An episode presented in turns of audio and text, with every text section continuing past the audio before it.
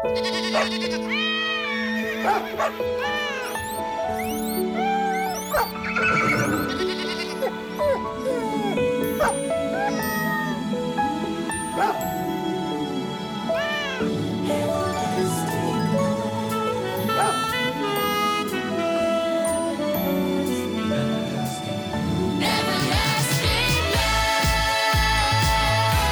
Hej och välkommen till min hundpodd, hundcoachen Fredrik Sten. Idag har jag en gäst i studion som ni känner igen sedan förut. Leif Hedberg, välkommen hit. Tack så mycket. Igen, du börjar bli tjatig här. Svar ja. Och det är du som liksom tjatar att få komma hit, eller är det tvärtom? Jag tänkte fråga vad jag gör åt det då? Ja. För dig som inte har lyssnat på min podd förut, fy på dig. Men om det skulle vara så att du nu ska komma hit så kan väl säga att Leif Hedberg är hundexpert, eh, före detta polishundförare och jäkligt duktig på hundar rent allmänt. Är det en bra sammanfattning? Ja, det var ju din fall. Ja, men tycker du att den är bra då? Ja, den stämmer väl? Mm. Då är det så här att jag tänkte vi skulle eh, köra lite allmän åkning idag. Ja. När det gäller hund, då givetvis. Vi ska inte prata om någonting annat än hund. Och eh, igår så la jag ut på min Instagram, hundcoachen, la jag ut att de kunde få skriva lite frågor. Så vi har fått in ett par hundra frågor här. Ja. Som jag tänkte vi skulle liksom börja med och så får vi se var vi hamnar. Är du med på det? Ja. Och eh, då kan vi börja med första frågan som jag har fått. Och nu nämner jag inte vem som har skrivit frågan utan nu läser jag bara. Och då är första frågan så här. Varför säger valpen inte ifrån när hon är nödig? Jag tar ut henne flera gånger i timmen. Hon är 17 veckor. Jag tror hon har svarat på det själv. Ja men säg då, vadå då? Hon tar ut valpen flera gånger i timmen. Det finns ju inget eh, incitament, ingen anledning för valpen att säga till därför att den åker ut ändå. Den har liksom ingen val så att säga om man nu Nej, använder det, precis. vrider till det lite här va. Man måste ha lite is i magen. Precis, när Mm. valpen börjar på att bli orolig och kanske springer fram till dörren Mm. eller rör sig i alla fall mot dörren, kanske börjar på att låta, ja Mm. då är det ju någonting som skapar oron. Mm. Ja, varför kan inte det vara en nödighet för då? Mm. Men springer jag ut med valpen då flera gånger i timmen, då hinner jag det aldrig inträffa. Nej, smart. Och jag håller med. Vi håller ju nästan alltid med varandra. Ja, Nästan. är det bra eller dåligt? Ja, jag vet det tusan faktiskt. Men det här tycker jag är lite, re, eller så här, lite allmänt när det gäller rumsrenhet. Eh, jag- Alltså, det, jag tycker det är ganska viktigt att vara lite noggrann där då. Dels det du säger att man inte springer för mycket, utan man måste ge valpen någon sekund att eh, visa signaler på att den vill ut. Eh, Och sen även när man kommer ut så tycker jag många slarvar lite grann då. Och det är nog på grund av att ett, man kanske inte håller med mig och två, eller man tänker inte på det.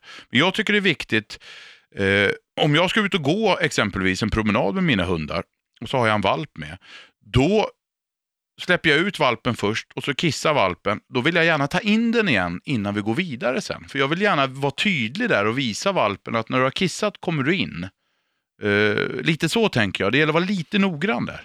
Här har jag suttit och nickat en stund till ingen nytta, men Ja. jag svarar eh, ja. Jag håller med. Nicka är jättedåligt att göra i Ja. en podd alltså. Precis, men det är ju ett tecken på empati säger de.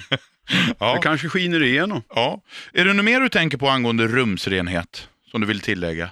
Jag har fått nä- väldigt många frågor om det faktiskt. Ja, eh, generellt vill jag påstå att eh, jag tycker det är ganska lätt utifrån egen erfarenhet, men Mm. det kräver ju ganska många insatser då vad det gäller passa hunden, vara tydlig med signaler och det är klart någon olycka kommer ju inträffa, det är Mm. jag ganska säker på, för så är det. Mm. Men det ska man ju inte nedslås av, utan om man har en tydlig strategi här, som du säger, att man begränsar hundens utrymme också. Låt den inte springa över 300 kvadratmeter, Ja. utan var i det rummet där valpen är, eller valpen är i det rummet där du är.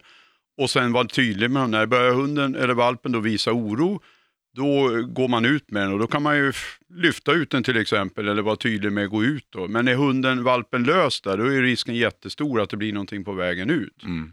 Och det är inte så bra. Nej. Bra. Vi går vidare med nästa fråga. Nu slänger vi oss mellan ämnena här. Och då har vi fått en fråga här. Kan hundar simma direkt eller måste de lära sig? Jag ler lite här Ja. därför att eh, då frågar man, alltså överleva simma, det, det gör de ju.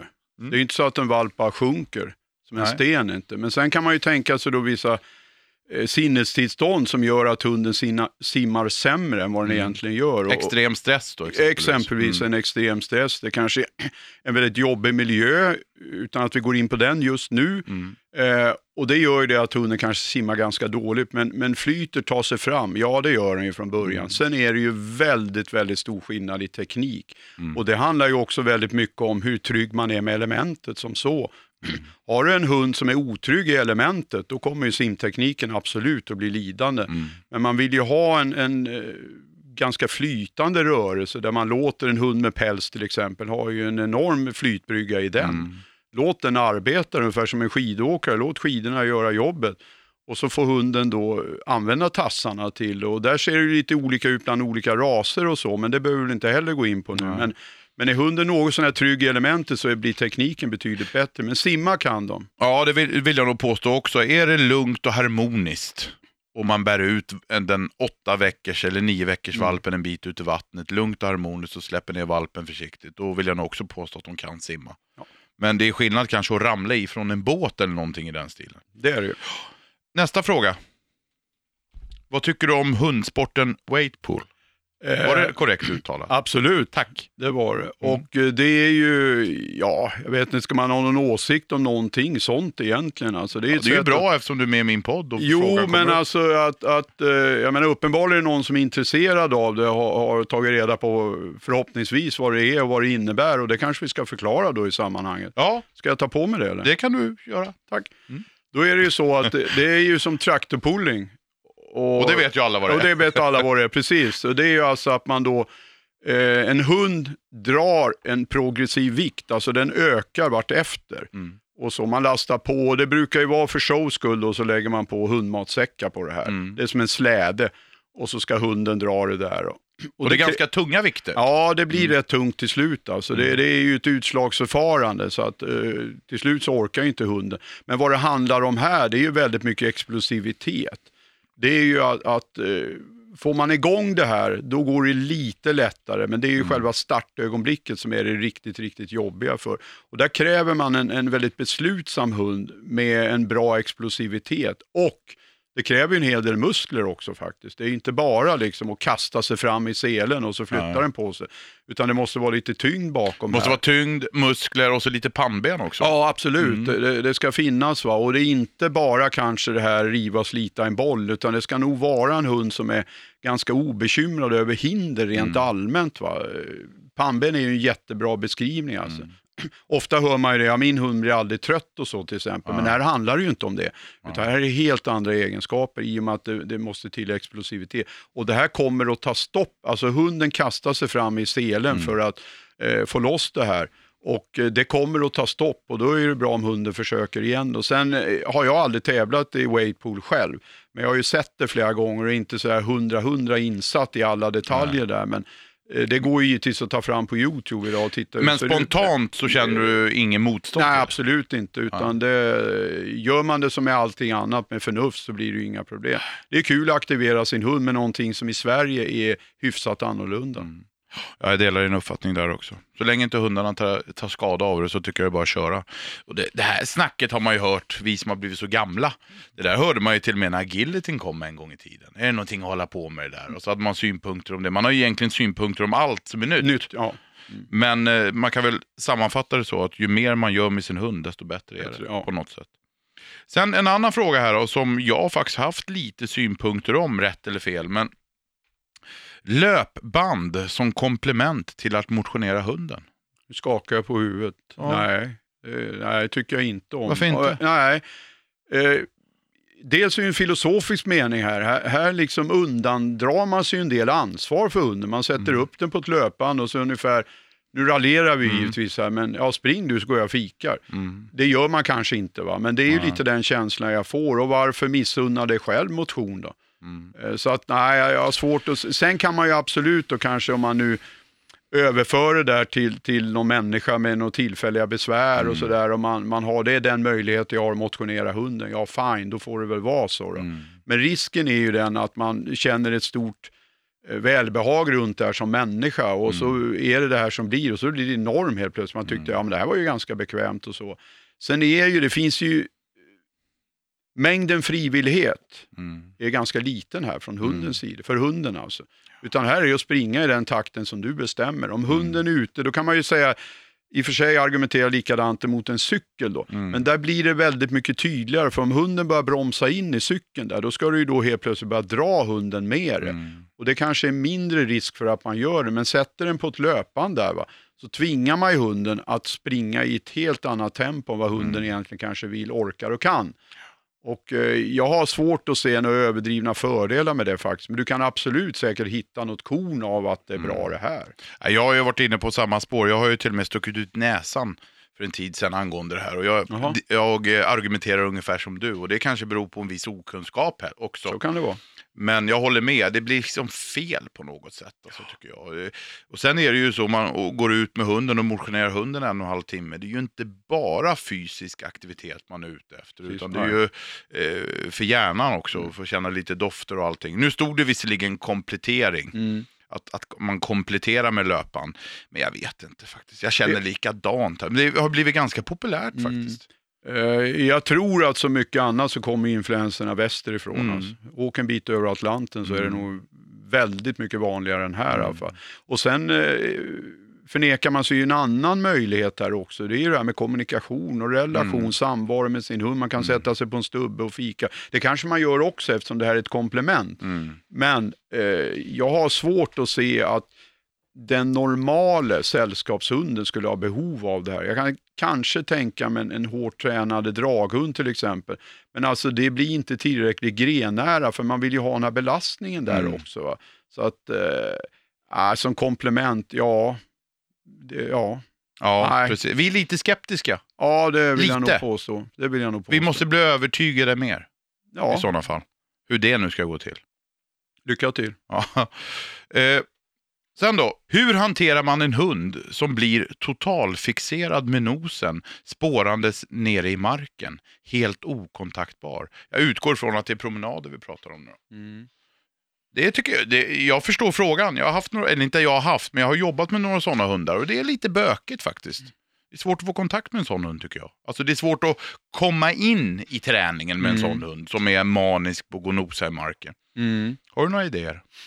Ja, först så skulle jag vilja tänka så här, lite så, jaha, okej, det är ett problem. Mm. Alltså man skulle ju bli väldigt glad kanske, åt om man hade en hund då. Och har man använt den här näsan då till någonting annat än bara gå en promenad, Mm. eh, och vad har man fått för resultat utav det då? Eh, och ja, hur bryter man det här då? Ja, man kan väl ge hunden en annan uppgift då, Mm. ser jag det som då Mm. Till exempel. Då, va? Och där eh, brukar jag ju föreslå det här som jag kallar för följsamhetsövningar. Då. Det går ju enkelt ut på att man vrider och vänder på sig själv Mm. i, i steget. Alltså du går rakt fram, sen gör man 180 grader och sen vinklar man ut till höger och man vinklar ut till vänster utan något kommando med hunden kopplad. Det tvingar ju hunden till en helt annan uppmärksamhet. För Mm. här har jag en känsla av att här har man skaffat sig vanor och rutiner i de här promenaderna och så bara följer man med hunden Mm. och så går den med näbben i backen där och helt okontaktbar. Men det är också därför att jag har tillåtit det. Det här har liksom gått överstyr på något sätt. Verkar det ju som här i alla fall. Och då måste man ju då, tror jag och tänker jag, att då får man ju bryta det på något sätt. Och ju mindre jag behöver prata med, tjata på hunden, för det är säkert redan gjort. Mm. Jag skulle tro att här har man hållit på med diverse och kanske till och med försökt lite med kopplet och sådär. Men alltså om jag helt plötsligt vänder och går åt andra hållet, ja men då doppar ju hunden i näbben i den riktningen. Jo men då Mm. byter jag ju igen och håller Mm. på sådär. Eh, kanske går fem meter och, och till slut då skulle jag tro i alla fall att hunden ger upp det där så börjar den bli mer uppmärksam på mig. För så låter det inte som att hunden är, utan Nej. det skulle jag prova. Eh, funkar inte det? Ja, man ska ju också vara ödmjuk inför att alla det man upplever som problem och identifierat som ett problembeteende, det löser man ju inte heller. Va? Och vad hamnar man då? Ja, då får man väl helt enkelt försöka med diverse då däremellan. Man kan ju prova de här följsamhetsövningarna. Man kan ju stanna, bara stå still en stund, Mm. prata med hunden, låta hunden få en uppgift där, köra någon kontaktövning. Om man nu har lydnad på hunden kan man ju Mm. prova att köra lite linförighet, fritt följ, man kan sätta ner hunden, man kan göra en inkallning och sådär. För nu har jag en känsla av att den här promenaden är just bara ett sätt att förflytta sig från A och kanske tillbaka till Mm. A. Mm. Eh, tänk annorlunda där. Använd den här tiden och vi säger att det är 20 minuter vi pratar om här Mm. från A till A. använd de 20 minuterna till ett mer eller mindre konstant hjärnarbete för hunden. Det är klart att hjärnan används ju också i samband med att han går och nosar det. Men det är ju ingenting han förmedlar till någon. Det är ingen som får reda på vad han får för intryck av den här promenaden. En annan sak som, jag håller med dig i det här också, men sen tycker jag man kan, de hundar jag jobbar med som har varit extrema på det här, har jag också försökt att hjälpt i den mån det går. Det vill säga att i normalfallet när man inte går med en hund så kanske man går i diket. Alltså man går Ja, på just- kanten. ja, ja. Mm. Så, så hunden går och nosar i diket, man nu gör. Men just den här typen av hund, Mm. så har jag försökt att hjälpt hunden lite grann genom att hålla mig i mitten av vägen. Alltså det är mindre dofter att, att ta in. Absolut. Det tillsammans med det du beskriver kanske kan vara en lösning. Men sen är det väl också så, kan jag känna lite grann, att ofta så är det inte så att den här typen av hund som går i nosens värld, ofta är det inte så att den hunden har endast det här bekymret. Det är min uppfattning lite grann. Ofta är det lite brist på kommunikation och det rent allmänt med sin ägare. Håller du med om det? Jajamän, nu har jag Mm. suttit och nickat en stund igen Ja. här och, och ja, smilat lite här. Va? Men det är precis så det är. Det är det här jag tycker är det största problemet. Mm. Och så tar jag upp det. Mm. Och det är då jag tror att de här som jag föreslog där, det bryter ju det här. Mm. Va? Då tvingar man hunden till komma. Och sen ska man kanske fundera lite grann över, vilket väl kan vara nog så svårt, men fundera lite grann över sin allmänna relation till hunden. Mm. Alltså vad erbjuder jag hunden? Du brukar ju prata om resurser. Mm. Vad är jag för resurs för min hund? Det tror jag är jättebra. För några år sedan så skrev jag en av mina böcker som hette eh, Aktivera din hund och bli en bra ledare. Och just i den boken så tog jag upp, inte exakt det här, men lite grann av det här. Jag skrev det att om du har din hund som du brukar ha, men du schemalägger fem minuter om dagen för att lära din hund något nytt. Det vill säga high five eller rulla på kommando eller vad det nu kan vara. Fem minuter om dagen. Bara den träningen, bara den kommunikationen, bara den övningen där hunden lär sig att det lönar sig att samarbeta och så vidare. Bara det gör enorm skillnad. Och just ett sådant här problem på hunden som går omkring i nosens värld. Jag skulle vilja säga att det är ja, tragedi att ta i, men det är lite trist för hunden och inte vara mer intresserad av sin omgivning än bara att gå och lukta så att säga. Och jag tror att mycket av lösningen på det här, det har vi ju tjatat om här nu fem minuter, men det är kanske lite annat också. Eh, öva upp kommunikation, relation. Håller helt med dig. Det är, det är bra. Det låter ju ändå ganska enkelt och okomplicerat att fem minuter ägna Ja. åt det här. Den tiden borde ju vi hundägare ha faktiskt. Men det är som jag skriver i boken och det vidhåller jag. Om alla hundägare visste vilket resultat Mm. fem minuters aktiv träning, alltså inlärning, och det är strunt samma vad man lär hunden egentligen. Men att vilken Mm. effekt det ger på relationen. Och jag tror det är väldigt bra för hundägarens självkänsla Mm. också. Att, att få bekräftelse på att det här har jag lärt honom. Ja. Alltså är det ganska enkelt. Va? Och det här har jag lärt honom. Ja, det var ju inte så svårt. Fem minuter så, så sitter det där. Va? Och de flesta hundar är ju väldigt kommunikativa. Va? En ny fråga. Det här är lite av mitt favoritämne, konstigt nog. Och frågan lyder så här. Hur får man hunden att våga hälsa på nya människor? Ta den du då. Ja, jag kan börja med det. Det bara känns ju som min gäst är onödig här inne. Men du fyller på va? Ja, ja. Ja. Nej, Okej, hur får jag min hund att våga hälsa på nya människor? Och då, så spontant känner jag, vad ska det vara bra för? Det är liksom min spontana, varför ska min hund våga hälsa på andra människor? Och, och det är väl lite, vad ska jag säga, det är väl kanske överdriva då, men jag tycker vi har en skev bild på vad vi vill att våra hundar ska göra. Nu får du gärna glida in här Edberg. ja. Ja, ja då vart du tyst. Nej, men Du jag- ville bara säga ja. Ja, nej, men alltså det jag upplever när jag är hemma hos folk och hjälper dem med sina hundar, Mm. då är det ju någonting som ganska ofta återkommer. Det är ju stress och stressbeteenden. Mm. Ja, vad har, grundats, vad har de grundat sig någonstans då? Mm. Då har man ju det här exempelvis då. Då gäller det att förstå att det hänger ihop med till exempel det här med hälsa på människor. Mm. Det går alltså till överdrift för vissa hundar. För det gäller ju att kunna handskas med all den här glädjen, all den här uppståndelsen, all den här uppmärksamheten och så vidare. Mm. Och det är ju många hundar som inte klarar av det. Då kan man ju tänka sig den hunden som absolut inte vill ha någon kontakt med andra människor. Det är den ju tydlig med att tala om, Mm. eftersom den inte hälsar på främmande människor. hälsar inte på människor och kanske till och med ryggar undan. Kanske den till och med- flyttar på sig. Den vill helt enkelt inte. Och mycket tydligare än så kan ju hunden inte vara. Ja, det skulle vara möjligen ett angrepp då. Ja, Eh, Men det hoppas vi ju att man slipper. Alltså Mm. att man provocerar hunden så pass mycket så den känner sig tvungen att, att bita ifrån eller låta, morra eller skälla eller sådär. Va? Och där tror jag nog att man ska få lite dåligt samvete som hundägare. Då, Mm. Varför ska jag tvinga min hund till det här för? Och för vems skull? Mm. Är det att jag då på något sätt socialt sett blir en bättre, trevligare människa bara för att jag har en väldigt trevlig hund? Mm. Det är väl för jösse hundägaren förhoppningsvis de kommer att hälsa på. Mm. Och hunden då visar tydligt att nej, det här vill jag inte riktigt vara med på. Ge hunden då en chans. Vem vet, efter tio besök i lugn och ro kanske hunden lite nyfiket kommer sniffandes där. Mm. Men då behöver man ju inte bekräfta hunden där, utan det går ju faktiskt att sitta rätt upp Ja, och låta hunden hämta all information istället då för att, ja, nu gör jag ett sånt här tecken i luften, Mm. tvinga hunden att bli klappad också. Va? men här finns det ju många. Jag har ju hört, här är jag nämligen lite motvallsgubbe. Nähä. Eh, ja, och det är Vadå nähä? Varför säger du så för? Tycker du jag är det ofta? Passa på den. Ja, eh, men det är ju så här att man, man kan ju googla om det här, man kan titta i hundböcker och allting. Och då är ju liksom den klassiska standardlösningen på hundar som inte vill hälsa på människor. Det är ju att den här främmande människan ska ha en godis i sin hand. Ja. Och sen ska den här främmande människan erbjuda hunden den här godisen. Mm. Och i bästa fall så vågar sig hunden fram och så tar den godisen. Och precis när den har tagit godiset Mm. så ryggar den tillbaka igen. Och så här ser ju livet ut för många eh, hundar som är oroliga för främmande människor. Och jag kräks nästan när jag ser det, för det är så förkastligt Mm. enligt mitt sätt att se det. Det är väldigt respektlöst mot Ja, hunden. det är det. alltså. Och det ger, nu generaliserar jag givetvis, för det finns alltid undantag, men generellt sett så ger det bara ett noll. Det ger ingenting helt enkelt. Kanske till och med försämrar man det här hos hunden. Jag brukar säga, ge hunden semester i rädsla. Om jag Mm. vet att min hund är rädd för främmande människor, då är det väl bättre att jag talar om för jycken då att vi gör så här, att jag ser till så ingen hälsar på dig Mm. och jag ser till så du inte försöker hälsa på någon annan.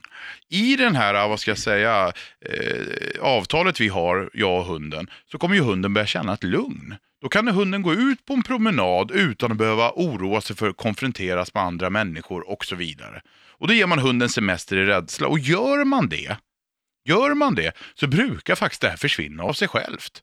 Och jag, det kan jag säga, jag har haft många hundar ända sedan jag var liten pojk. Eh, jag har haft flera hundar som inte tycker om främmande människor. Mm. Och jag vill säga att det här sättet att ge hunden semester i rädsla, det är det enda som har fungerat.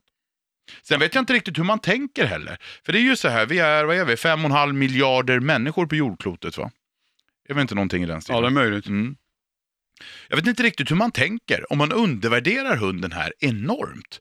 Om jag är ute och går på en trottoar och så möter vi främmande människor och så av nå- någon anledning så får jag för mig då att nu ska vi hälsa på den här främmande människan. Och den här främmande människan ska ge hunden en godis. Och så ska hunden tycka om främmande människor sen. Det är ju att undervärdera hunden. Den här hunden, i bästa fall, i bästa fall kommer att ha en positiv minnesbild av Bengt, som den här mannen hette. Mm. Men nästa, Lisa som kommer, är ju en ny främmande människa. Och det är ju inte så att främmande människor kommer i grupp så att säga. Det är ju inte så att de är samma person. Det är ju olika personer hela tiden och gå omkring och, och, och, och be främmande människor och överdrivet fem miljarder människor ge min hund en godis. Det är ju löjligt. Eh, undervärdera, samtidigt så övervärderar man ju betydelsen av det här. Ja, ja. Varför skulle det här vara viktigt på något sätt? Ja. Jag menar om ni är ensamboende och så kommer in någon, någon partner där som ska bo ihop med mig, ja då är inte det en främmande person Nej. efter ett tag. Nej. Och ju större och ju bättre hänsyn och respekt man visar sin hund, ju snabbare kommer det här så kallade problemet då, om man upplever det så, att avta va? och kanske helt minska. Men sen är det ju upp till hunden också. Den gör ju en bedömning av diverse människor. Även om den nu inte har något problem med att träffa människor och sådär, så märker man att hunden är mer eller mindre glad. Eh, och eh, ja, det här skulle man kunna prata en hel del om, men generellt så kan man ju lugnt säga att det är väldigt, väldigt respektlöst. Mm. Och jag tycker, ge hunden semester i rädsla. Mycket bra. Det är ju bara att gå till sig själv. Om jag vaknar varenda morgon och är orolig för någonting. Varenda dag så utsätts jag för någonting som jag är rädd för. Det gör ju inte mig starkare alltså. Nej. Då är det ganska skönt att en kompis klappar en på axeln och säger du, jag tar det här för Mm. dig. Du behöver inte bry dig om det här. Det ringer på dörrklockan, sitter Ja. jag går och öppnar och Ja. kollar så är det lugnt. Precis. Mm. Där tycker jag man tänker fel faktiskt. Definitivt.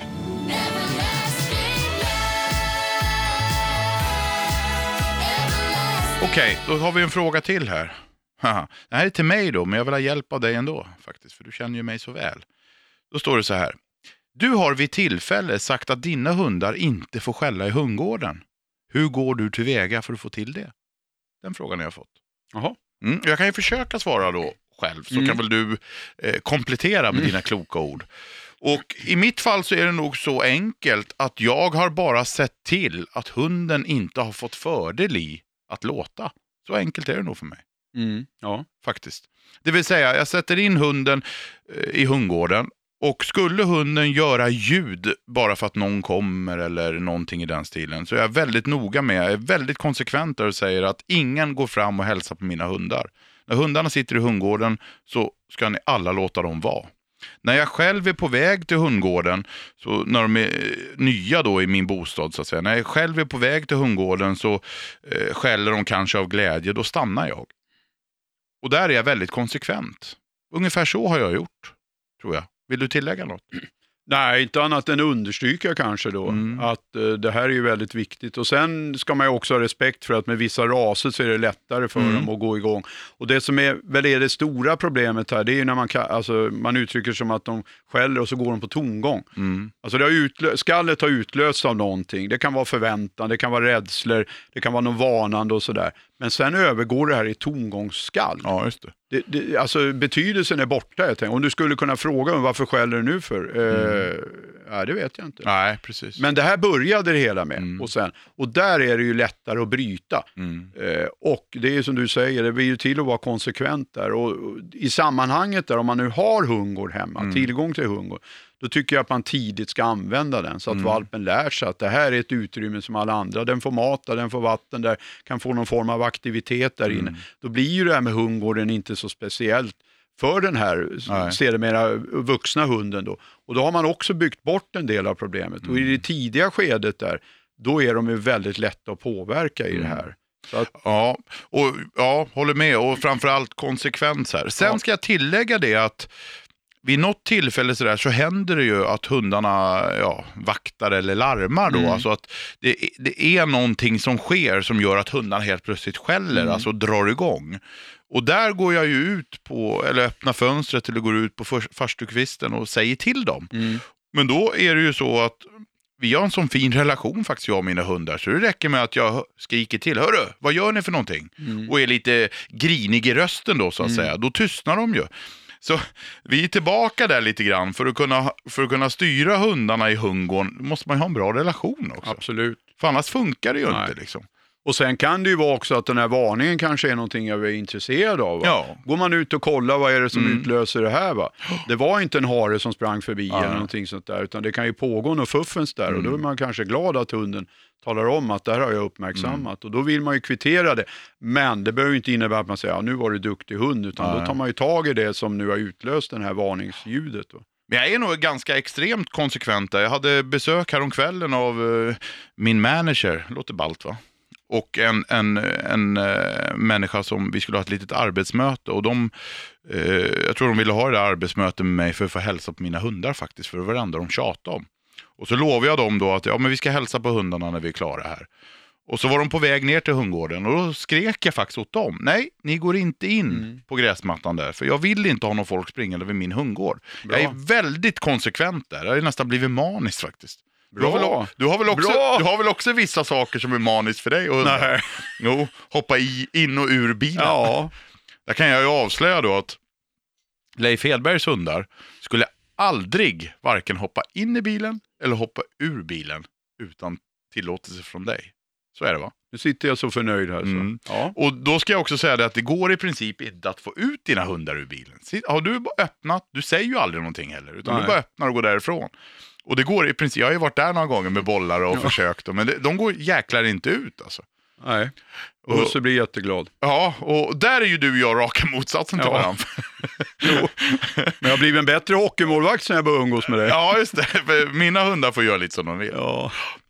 Men det beror ju lite på vad man, Absolut. man ja, blir manisk på så att säga. Mm. Så är det.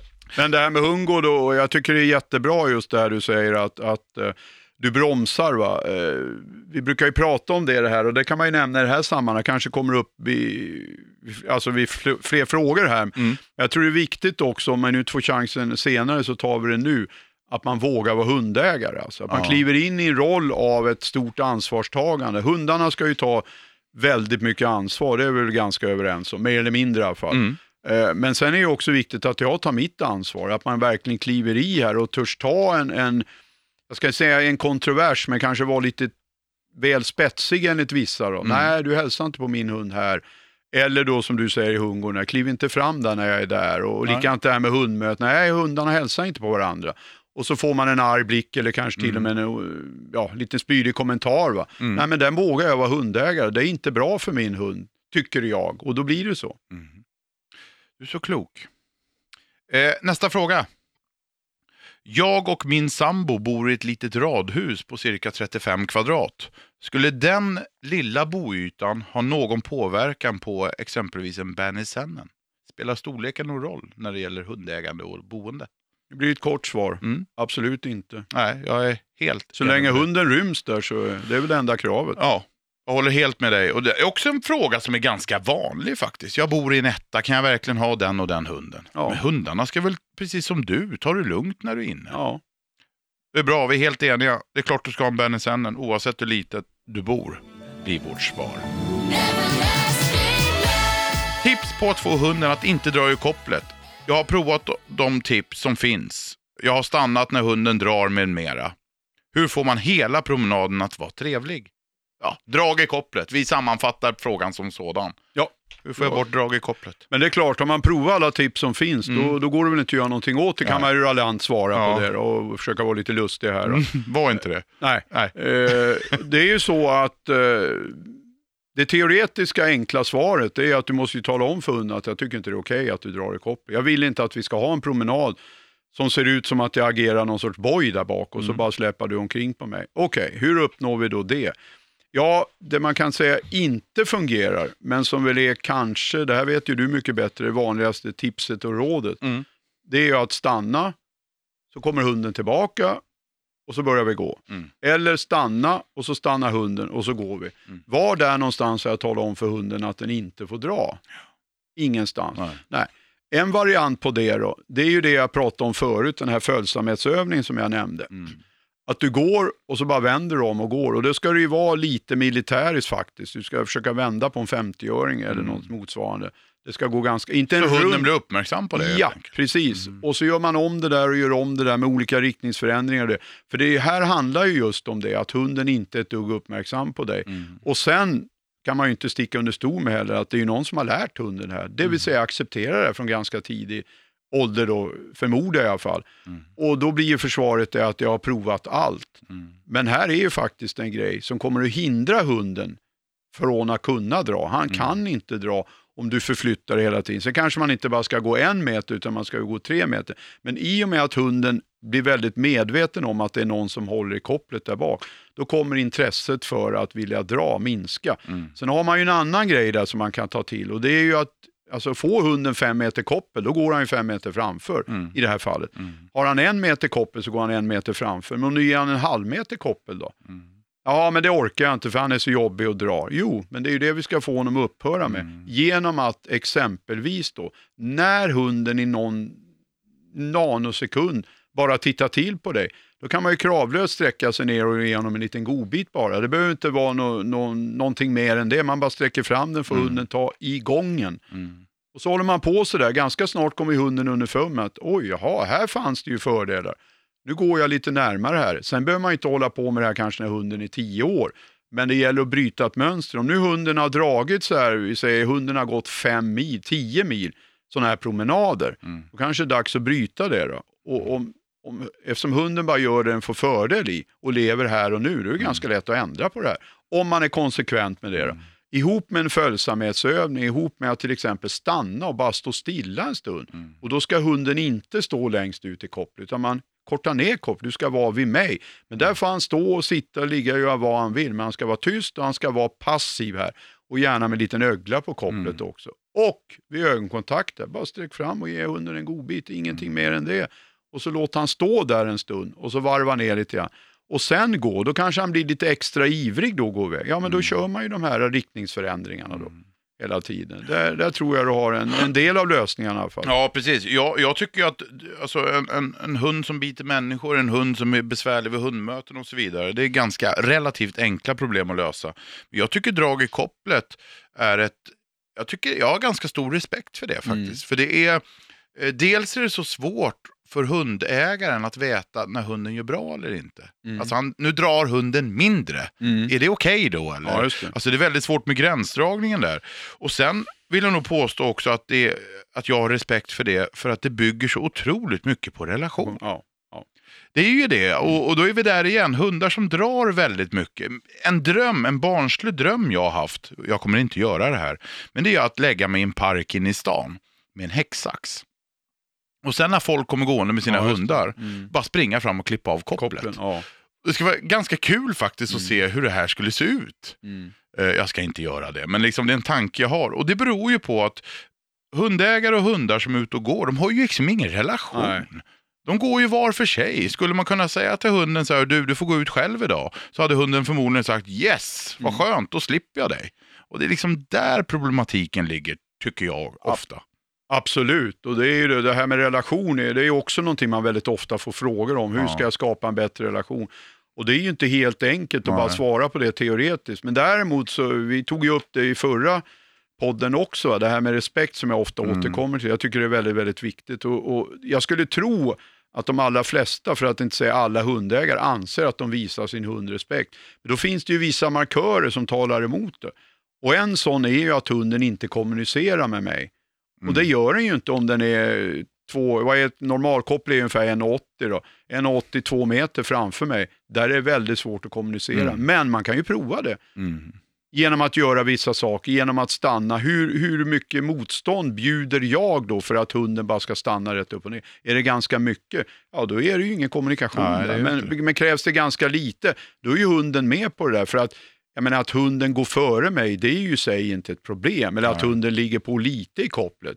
Utan här pratar vi- Ja, som precis. jag blir besvärad av i alla fall. Precis, det är Att hunden hela tiden är på väg någonstans. Ja, liksom. vänster, höger, Ja. vänster, höger. Går tillbaka. Ja. Ja. Sen tycker jag, i- i allt det här vi har pratat om här, så får man ju faktiskt vara lite sur också. Det tycker jag man får. Jag menar, om du och jag ska gå ut och gå, nu håller ju inte du och jag varandra i handen så ofta, men om vi skulle ut och gå, för vi skulle gå någonstans, och så håller du på och springer framför mina ben. Du springer till höger, du springer till vänster, helt plötsligt springer du åt andra hållet och så vidare. Då är det ju ganska naturligt att jag säger åt dig, hör du Hedberg, nu får du fan med ta och dämpa dig lite Mm. grann. Och jag tycker inte man ska vara tillsammans med allt det vi har sagt tidigare, givetvis. Men jag tycker man kan vara lite grinig mot en hund också när den beter sig så här. Det här är inte okej, helt enkelt. Nej, varför kan du inte bestämma dig för att hunden går på din vänstra Ja, sida, ja. eh, kopplad. Och så får han vara och nosa på den vänstra Mm. sidan. Det finns ju massor med information där. Vad ska han över till höger göra? Plus att vid ett hundmöte då, Mm. så signalerar man att här har jag lite ordning och reda på min hund. Den, den får gå tydligt till vänster. Och det blir ju en signal då som sagt till, till den där hundägaren. Ja men Mm. okej, då håller jag med det. Och så håller jag mitt vänsterspår alltså. Mm. Sen får folk helt enkelt flytta, cyklister och människor, de får flytta på sig. Va? Jag håller mitt vänsterspår. Mm.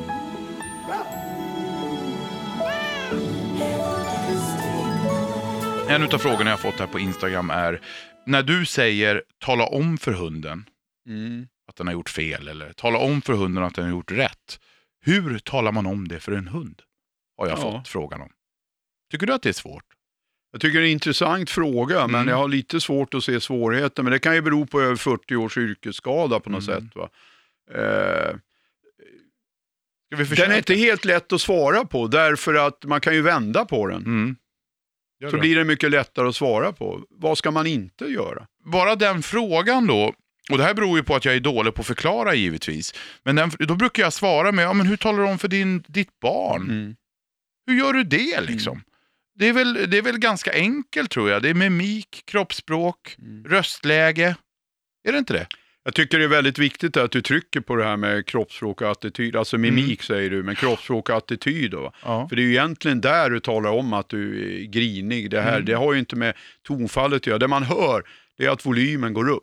Ja, Man skriker mer åt sin hund. Mm. Och det tycker jag är otroligt respektlöst. Mm. Alltså. Det, det vill jag påstå att det gör man helt enkelt inte. Ja. Skillnaden är om hunden är på väg över Essingeleden. Ja, Nu ja. har jag ett alternativ kvar och det skrika så mycket jag kan. Annars blir hunden påkörd. Precis, Mm. stanna hunden då. Ja, då var det väl bra att jag skrek då, men det är ju inte det vi pratar om. Utan vi pratar om en hyfsat normal vardag. Mm. Och där skriker man inte åt sin hund. Man skriker inte åt någon överhuvudtaget. Sen kan man vara tydlig och det, men det handlar ju inte om att höja rösten, utan man, man får helt enkelt tala om med kroppsspråk att man petar till hunden till exempel, Mm. så att du får hundens uppmärksamhet. Då är det ganska lätt för hunden att läsa av att, oops, det här var inte bra. Men Och det här det- är väldigt svårt Hedberg för många. Jag får jättemånga, jag gör ett blogginlägg, jag bloggar ju som ni vet på agria.se. Men jag gör ett blogginlägg om det här och så skriver jag, då talar jag bara om för hunden att det inte är okej. Jag får jättemycket frågor, hur gör jag det? Det som folk ofta hamnar i, Mm. som jag märker själv när man är ute och hjälper folk med deras hundar. då, Det är just att det pratas en väldig massa. Vet du. Det finns inget kroppsspråk, det finns ingen attityd, utan det kommer långa, långa haranger. Man talar om för hunden verbalt hur missnöjd jag är. Utan där har man en, en eh, vad ska jag säga, någon uppmärksamhetsgrej, peta till hunden någonstans Ja. va, så att hunden vänder sig mot dig. Och då är det ju där ganska lätt att dra på sig en mask av att nu är jag väldigt irriterad. Och det handlar ju inte, för det här utlöses ju ofta av då att nu är jag förbannad på min hund. Mm. Då har jag lättare att agera. Men det Mm. hand, alltså känslor, det vet du, det återkommer jag ju ofta till. Det har inte med det här att göra. Det är Nej. bara ett hinder och en stor, stor broms alltså. Utan man ska agera kliniskt. Jag tycker inte om det där. Så petar man till hunden och då visar man med hela då, ja det har jag gjort och det fungerar inte. Ja. Och där vill jag påstå, i de allra flesta fall, givetvis, det finns ju undantag självklart, men i de allra flesta fall så har man inte gjort det. Utan man har gått på med en lång, lång harang och så har man stått där och pratat och pratat. När hunden i det första med det här uppmärksamhetsträffen, träffen, grejen vad det är för någonting man gör. Va? Du kan klappa till rejält i händerna, så oj vad var det där? Mm. Och då har du möjlighet att, att spela ut ditt register. Och då är hunden väldigt uppmärksam också och mottaglig för det du vill. Mm. Och där behöver man inte säga någonting, det kan räcka med bara en liten stön sådär. Mm. Oj, det där var inte bra. Men sen kommer den här långa harangen. Då liksom rinner det där av. Och Ja, Jaha, just det var ju inte mer det här. Utan den där någonting då, va? kan räcka med som jag sa ett kraftigt mm, eller mm, sådär. Mm. Och sen går man därifrån, då är det liksom klart. Va? Man står inte och ältar det här. Nej. Då får ju hunden bära med sig det där, om man nu får använda ordet tänka, vilket jag inte är så förtjust i. Men då kan hunden få något att tänka på. Kan han gå och Mm. analysera, vad var det som hände där? Men pratar man och då liksom raderar du bort det där till slut. Finns ju inget kvar av den där mm, grejen Nej. du gjorde där. Va? Och, och, och jag, jag vill göra det här så enkelt som det bara går då. Och, och här har jag ju sagt vid några tillfällen, om, om dina barn står och ritar med tuschpennan på väggen hemma, Mm. nytapetserade rummet, men du har munkavle på dig, du kan inte få fram ord, kan inte du få dina barn att inse att det de gör är fel? Alltså svårare än så är det ju inte egentligen. Det är kroppsspråket, attityden, fysisk kontakt. Ja, Och när jag säger fysisk kontakt så handlar det ju inte om våld. nej. Utan man rör på en individ på ett speciellt sätt. Mm. Eh, och jag menar, det, det är ju så, jag brukar säga det om man ska vara lite fräck sådär. Det är ju inte så att när eh, parten man har i sängen på kvällen tar en. Det är ju inte så att man undrar, undrar om hon vill slåss nu eller om hon vill kramas. Mm, mm. Utan det är faktiskt, man känner ju det på beröringen liksom. Och svårare än så är det inte med en hund heller vill jag påstå. Och ju bättre relation du har med Ja. din hund, ju min, alltså, det, det, omgivningen kanske inte ens uppfattar Nej. den här ja, tillsägelsen då, nej det där tyckte jag inte var bra. Men hunden uppfattar Mm. det och det är det viktiga. Och där kan man ju då, vilket du är förtjust i och jag är inte fullt så förtjust i, men jag har börjat anamma lite grann av din stil där. Och man tittar på småbarn, Mm. jag menar de är under sex månader, Mm. så har de väldigt klart för sig vem som är vem i föräldraskapet. Mm. Va? Den styr så och den styr si. Mm. Hur kan de veta det? Jo, därför att de har studerat oss och Mm. lagt det här på minne. Det gör ju en hund mycket, mycket snabbare. Alltså. Absolut. Hur, hur kommer jag till rätta med den här och hur får jag det här? Och det är ju där då vi har hamnat i någon fälla där helt enkelt. En spegel brukar ju vara bra. Mm. Sätt upp en spegel framför dig själv och så titta. Är, det här en, är du nöjd med dig själv som hundägare? Mm. Svaret är ja. Ja, då har du troligen heller inga oönskade Nej. beteenden eller problem. Ja. Nej, det, ja, det, det är lätt samtidigt som det är svårt. Det är väldigt svårt att förmedla det här tycker Ja, det är jag. det.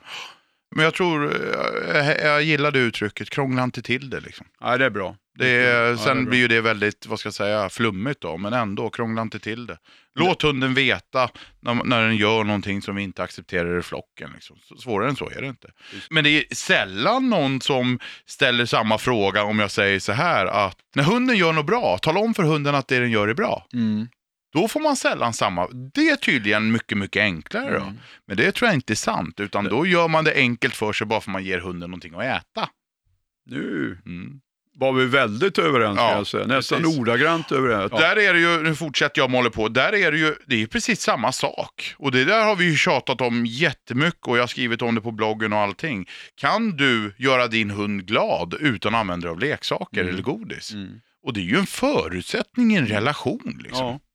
på något sätt. Mm. Min hund blir glad av att jag ler. Min hund blir glad över mitt sätt att röra mig. Min hund blir glad över att jag tar på den. Går inte det, ja, då kan du ju heller inte tala om att någonting inte är bra. Det brukar jag ju prova då när man är hemma hos folk där. Så, så, alltså det är en väldigt, väldigt bra markör. Mm. Och där lurar man sig på då att om hunden inte viftar på svansen så är den inte glad åt det här du nu Ja, räknar upp. Och det är ju, så är det ju inte. Nej. Alltså, utan hunden uttrycker det på olika sätt beroende då på olika mentaliteter och sådär. Men det som är väldigt intressant här, det är ju det att man förminskar sig själv i väldigt hög grad som hundägare därför att man tar till det här med bollar och godis och Mm. grejer. Vilket vi ju, varken du eller jag har något jätteproblem med så. Men det är ju när det tar överhanden över allting och man har liksom knuffat bort sig själv. Man har gett sig själv rollen av en fröautomat eller en diskuskastare. Man vräker ut en massa grejer. Man liksom skjuter hunden ifrån sig hela tiden. Släng en boll dit, där borta är det roliga. Va? Mm. Det är ju här det roliga är. En klapp från hundägaren, va? sätta sig ner en stund, hunden lägger sig bredvid mig, jag kan stryka han lite försiktigt, jag kan passa på att känna av runt kroppen, hur ser det ut, där? Finns det några fästingar, där? finns det något skavsår, där? Finns det något det, finns det något det, finns det något det. Nej, då ska det vara en jätteprocedur. Ska, nej, nu ska du stå still där, för nu ska jag känna igenom dig och så vidare. Då. Då har du ett utmärkt tillfälle, dels då så ökar ju, förhoppningsvis i alla fall, relationen då, att den blir bättre. Va? Mm. Och sen blir det ju en väldigt tydlig kommunikation till hunden. Nu tar du det lite lugnt. Här har du ju någon form av distress, alltså avstressning Mm. på hunden. När hunden börjar tycka att saker och ting är lite jobbigt, då har man ju det här med handstrykning. Jajamän. Då har man ju den som ett jättebra hjälpmedel, vilket ju inte då ska missbrukas på något sätt. Men det finns ju så många bonusfördelar. Men det här godis, ja absolut om du ska lära hunden att sitta eller Mm. som du brukar ta upp exempel, gå på lina och det. Ja visst, det är väl jättebra det. Men det är inte inte i det. vardagen. Det är inte det vi ska kommunicera med. precis, exakt. Hur gammal måste en valp vara för att man ska kunna kräva att den ska stå still när man torkar av den? Ja, kan du det på en valp? Nej, men det är, jag tycker det är en ganska intressant frågeställning ja, det är det, faktiskt. men jag, jag, alltså valp för mig, det är ju en ganska liten krabat. Mm. Det. Men om du ska torka av din lilla krabat Ja, och så vill han inte det, Nej. får han springa iväg då? nej, då håller jag i honom och så torkar jag av honom. Det handlar Ja. inte om att han ska stå still. Ja, du, ger, han- du ger valpen inget val helt enkelt. Nej, precis. Jag håller i honom på det sättet som behövs. Då. Mm. Har jag ett halsband så håller jag in i halsband eller också håller jag i honom. Det beror ju givetvis på Mm. vad det är för typ av hund här. Va? Men alltså jag håller i honom på ett sånt sätt så att det här blir utfört. Och, sen till slut- utför du det du ska och sen är det Ja. inget bra med det. Du belönar inte, du Nej. fyar inte, du gör Nej, ingenting. Nej, jag bara Utan- gör det jag ska. Och till slut kommer hunden, och, eller valpen då. Ja. Jaha, okej, det, var- jaha, det var så här. Mm. Och då kommer han att stå still. Mm. Därför Bra. att han upptäcker att han har inget val som sagt. Och här tycker jag, jag, tycker frågan är superbra av just den här handledningen, för jag håller 100% med dig. Men här skulle man kunna tänka sig två alternativ. Det ena är ju att man försöker lära valpen att stå still. Det vill säga, okej, valpen står inte still här, han är tio veckor, han står inte still när jag ska torka av honom, så jag måste försöka lära valpen det med hjälp av belöningar. Det vill säga, står du still får du en godis, står du still får du en godis. Det är ju en, det är en väg som säkert inte är främmande för alla. Sen skulle du kunna tänka dig andra sidan, att nej nu jäklar, du ska stå still när jag säger till. Och så ge, rycker man hunden i öronen Mm, eller vad det nu mm. kan vara. Och där är intressant, har du två olika alternativ då på hur man kan göra. Mm. Och båda två kommer att sluta med katastrof. Ja, definitivt. Och det ena är ju tankevurpa som heter duga. precis. Och det är ju det första du Mm, sa där. mm. Och det andra, då har man ingen som helst förståelse eller respekt för Nej. sin hund alls. Nej, för en valp alltså. Nej. Som, jag skulle vilja säga så här nästan att jag tror jag skulle bli besviken om jag hade en tio veckor som stod still när jag skulle torka av den. Ja, ja, Om inte annat så skulle väl trasan locka till någon Ja. form av engagemang. Va? Mm. Nej, jag håller helt med dig. Och det är ju en form av kravställning. Ja, ja, du får göra vad du vill. Försök att komma härifrån. Försök att bita lite. Försök att leka ur det här, för det spelar ingen roll. Nej. För nu ska jag torka av dig. Och det är ju en form av kravställning, kan man ju Absolut. tycka. Leif Hedberg, tack för att du kom hit. Tack så mycket. Och innan jag rundar av här så ska jag också säga att den här äh, podden gör jag tillsammans med mina kompisar på Agria djurförsäkring. Och glöm inte att prenumerera på podden så du missar några avsnitt. Och följ mig och min blogg också på agria.se. Där jag bloggar bara om hund. Stort tack!